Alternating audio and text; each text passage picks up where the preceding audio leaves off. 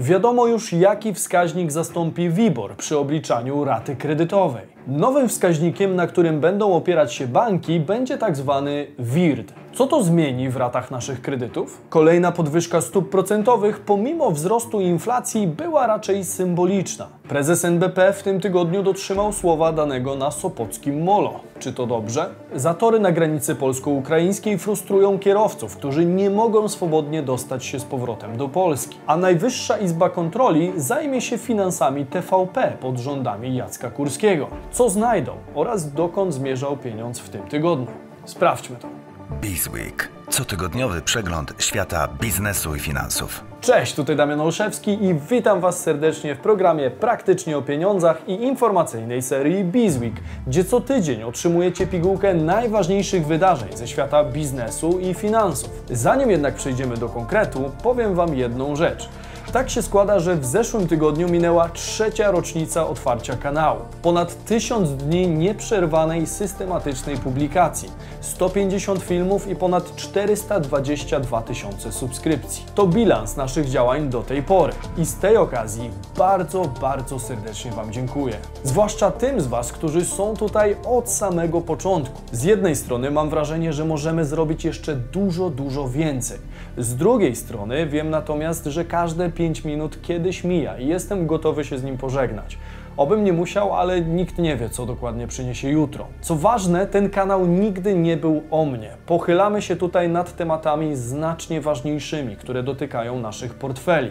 Poszerzamy świadomość finansową, aby podejmować lepsze decyzje i rozumieć, jak działa świat pieniędzy. Natomiast wyjątkowo z okazji trzecich urodzin możemy stworzyć dodatkowy odcinek w stylu QA, gdzie odpowiem na wszelkie Wasze pytania dotyczące kanału, opinii na jakiś temat, czy też innego zagadnienia które Was po prostu interesuje. Jeżeli chcielibyście, aby taki odcinek powstał, to zostawcie hashtag Q&A w komentarzu wraz z nurtującymi Was pytaniami. Przy okazji możecie też nacisnąć czerwony przycisk subskrypcji, jeżeli chcecie być częścią naszej społeczności. Nie przedłużając, zaczynajmy. WIRT zamiast WIBORu. Dla klientów to może być zmiana na lepsze. Komitet sterujący Narodowej Grupy Roboczej zdecydował o wyborze indeksu WIRT jako alternatywnego wskaźnika referencyjnego stopy procentowej. W związku z tym powstanie alternatywa dla WIBORu, który przez ostatnie miesiące był odmieniany przez wszystkie przypadki przez kredytobiorców. WIRT to warszawski indeks rynku depozytowego. Indeks transakcyjny opracowany na podstawie transakcji depozytowych zawieranych przez podmioty podmioty przekazujące dane z instytucjami finansowymi oraz z dużymi przedsiębiorstwami. A tak po ludzku, ważne jest właśnie to, że nowy wskaźnik obliczany jest na podstawie faktycznych transakcji na rynku finansowym. Co innego było w przypadku WIBORu, gdzie banki de facto nie pożyczały między sobą pieniędzy postawcy, którą wyznaczał, a jednak to ona była brana pod uwagę jako jedna z dwóch głównych składowych raty kredytowej.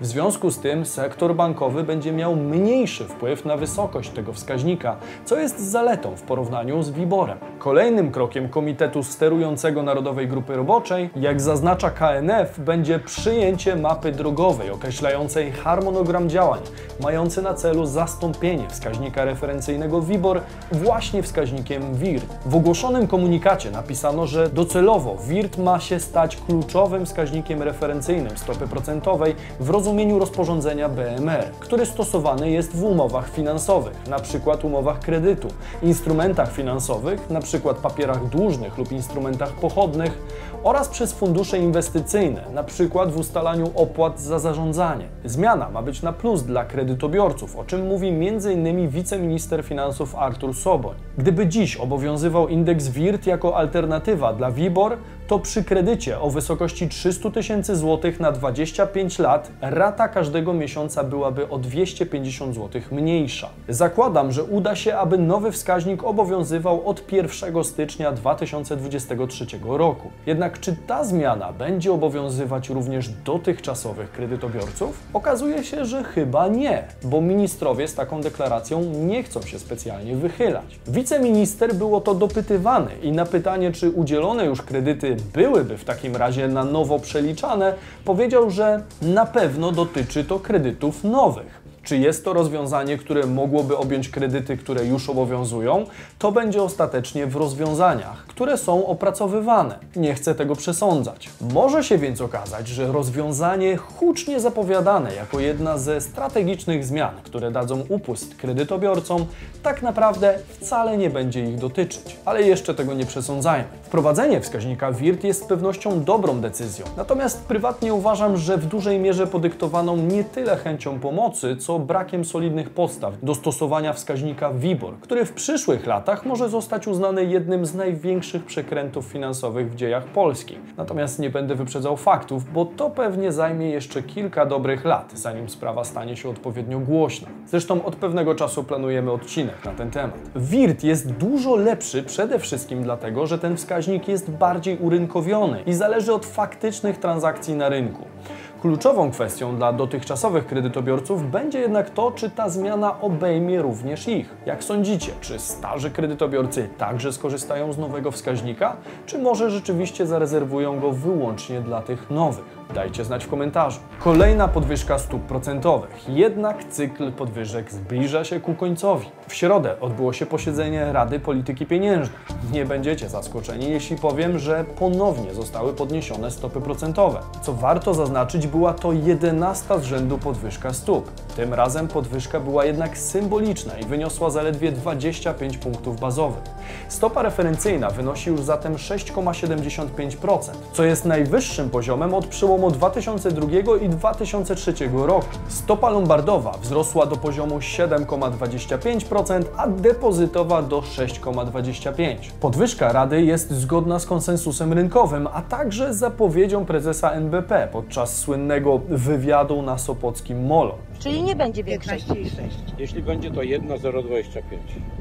Dobrze. Rada podnosi stopy procentowe w celu walki z inflacją, jednakże musi również brać pod uwagę wzrost gospodarczy, a w zasadzie potrzeby gospodarki. Większość ekonomistów zakłada jednak, że wkrótce będziemy obserwowali w Polsce recesję. W takiej sytuacji zbyt wysokie stopy mogą okazać się problematyczne dla rodzimej gospodarki. Zerknijmy teraz, jak ta niewielka podwyżka wpłynie na raty kredytów hipotecznych. Na portalu Money.pl został wskazany następujący scenariusz. Jeśli przyjmiemy, że marża kredytu hipotecznego wynosi średnio 2,3%, a nowa stawka WIBOR-u 3-miesięcznego zostanie ustalona na poziomie 7,41%, to proporcjonalnie do kwoty kredytu rata będzie wyższa o około 20 zł dla każdych pożyczonych 100 tysięcy. Dla tych, którzy mają zobowiązanie w kwocie 400 tysięcy złotych, rata wzrośnie mniej niż 100 zł.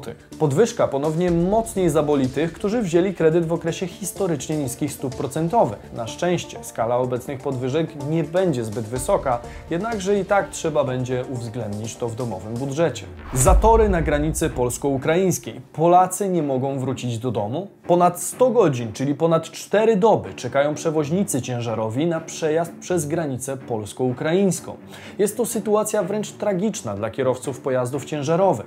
W związku z tym zorganizowali oni akcję protestacyjną w Dorochusku, której celem jest wymuszenie usprawnienia przewozów. Ponadto kierowcy zapowiedzieli, że protest zostanie rozszerzony na inne przejścia graniczne. Polscy przewoźnicy domagają się od Ukraińców przepuszczenia bez kolejki pustych samochodów wracających do Polski, a z kolei Ukraińcy apelują o przyspieszenie po polskiej stronie odprawy i przeprawienia tysiąca pojazdów na dobę, czyli dwukrotnie więcej niż dzieje się to obecnie. Sprawa jest na tyle poważna, że trafiła na biurko prezesa Rady Ministrów, który obiecał, że przeprowadzi na ten temat rozmowy ze stroną ukraińską. Wiele do poprawy mają też firmy i instytucje zaangażowane w przewozy kolejowe przez przejście graniczne Polski i Ukrainy. Problemy piętrzą się coraz bardziej. Kolejom ukraińskim trudno współpracuje się z polskimi, twierdzi Jakub Karnowski, reprezentujący instytucje finansowe w Radzie Nadzorczej ukraińskiej firmy kolejowej Ukrzaliznycja, która prężnie działa w czasie wojny, m.in. pomagając w odbudowie domów swoich pracowników, a także remontując tory w celu usprawnienia przewozów towarów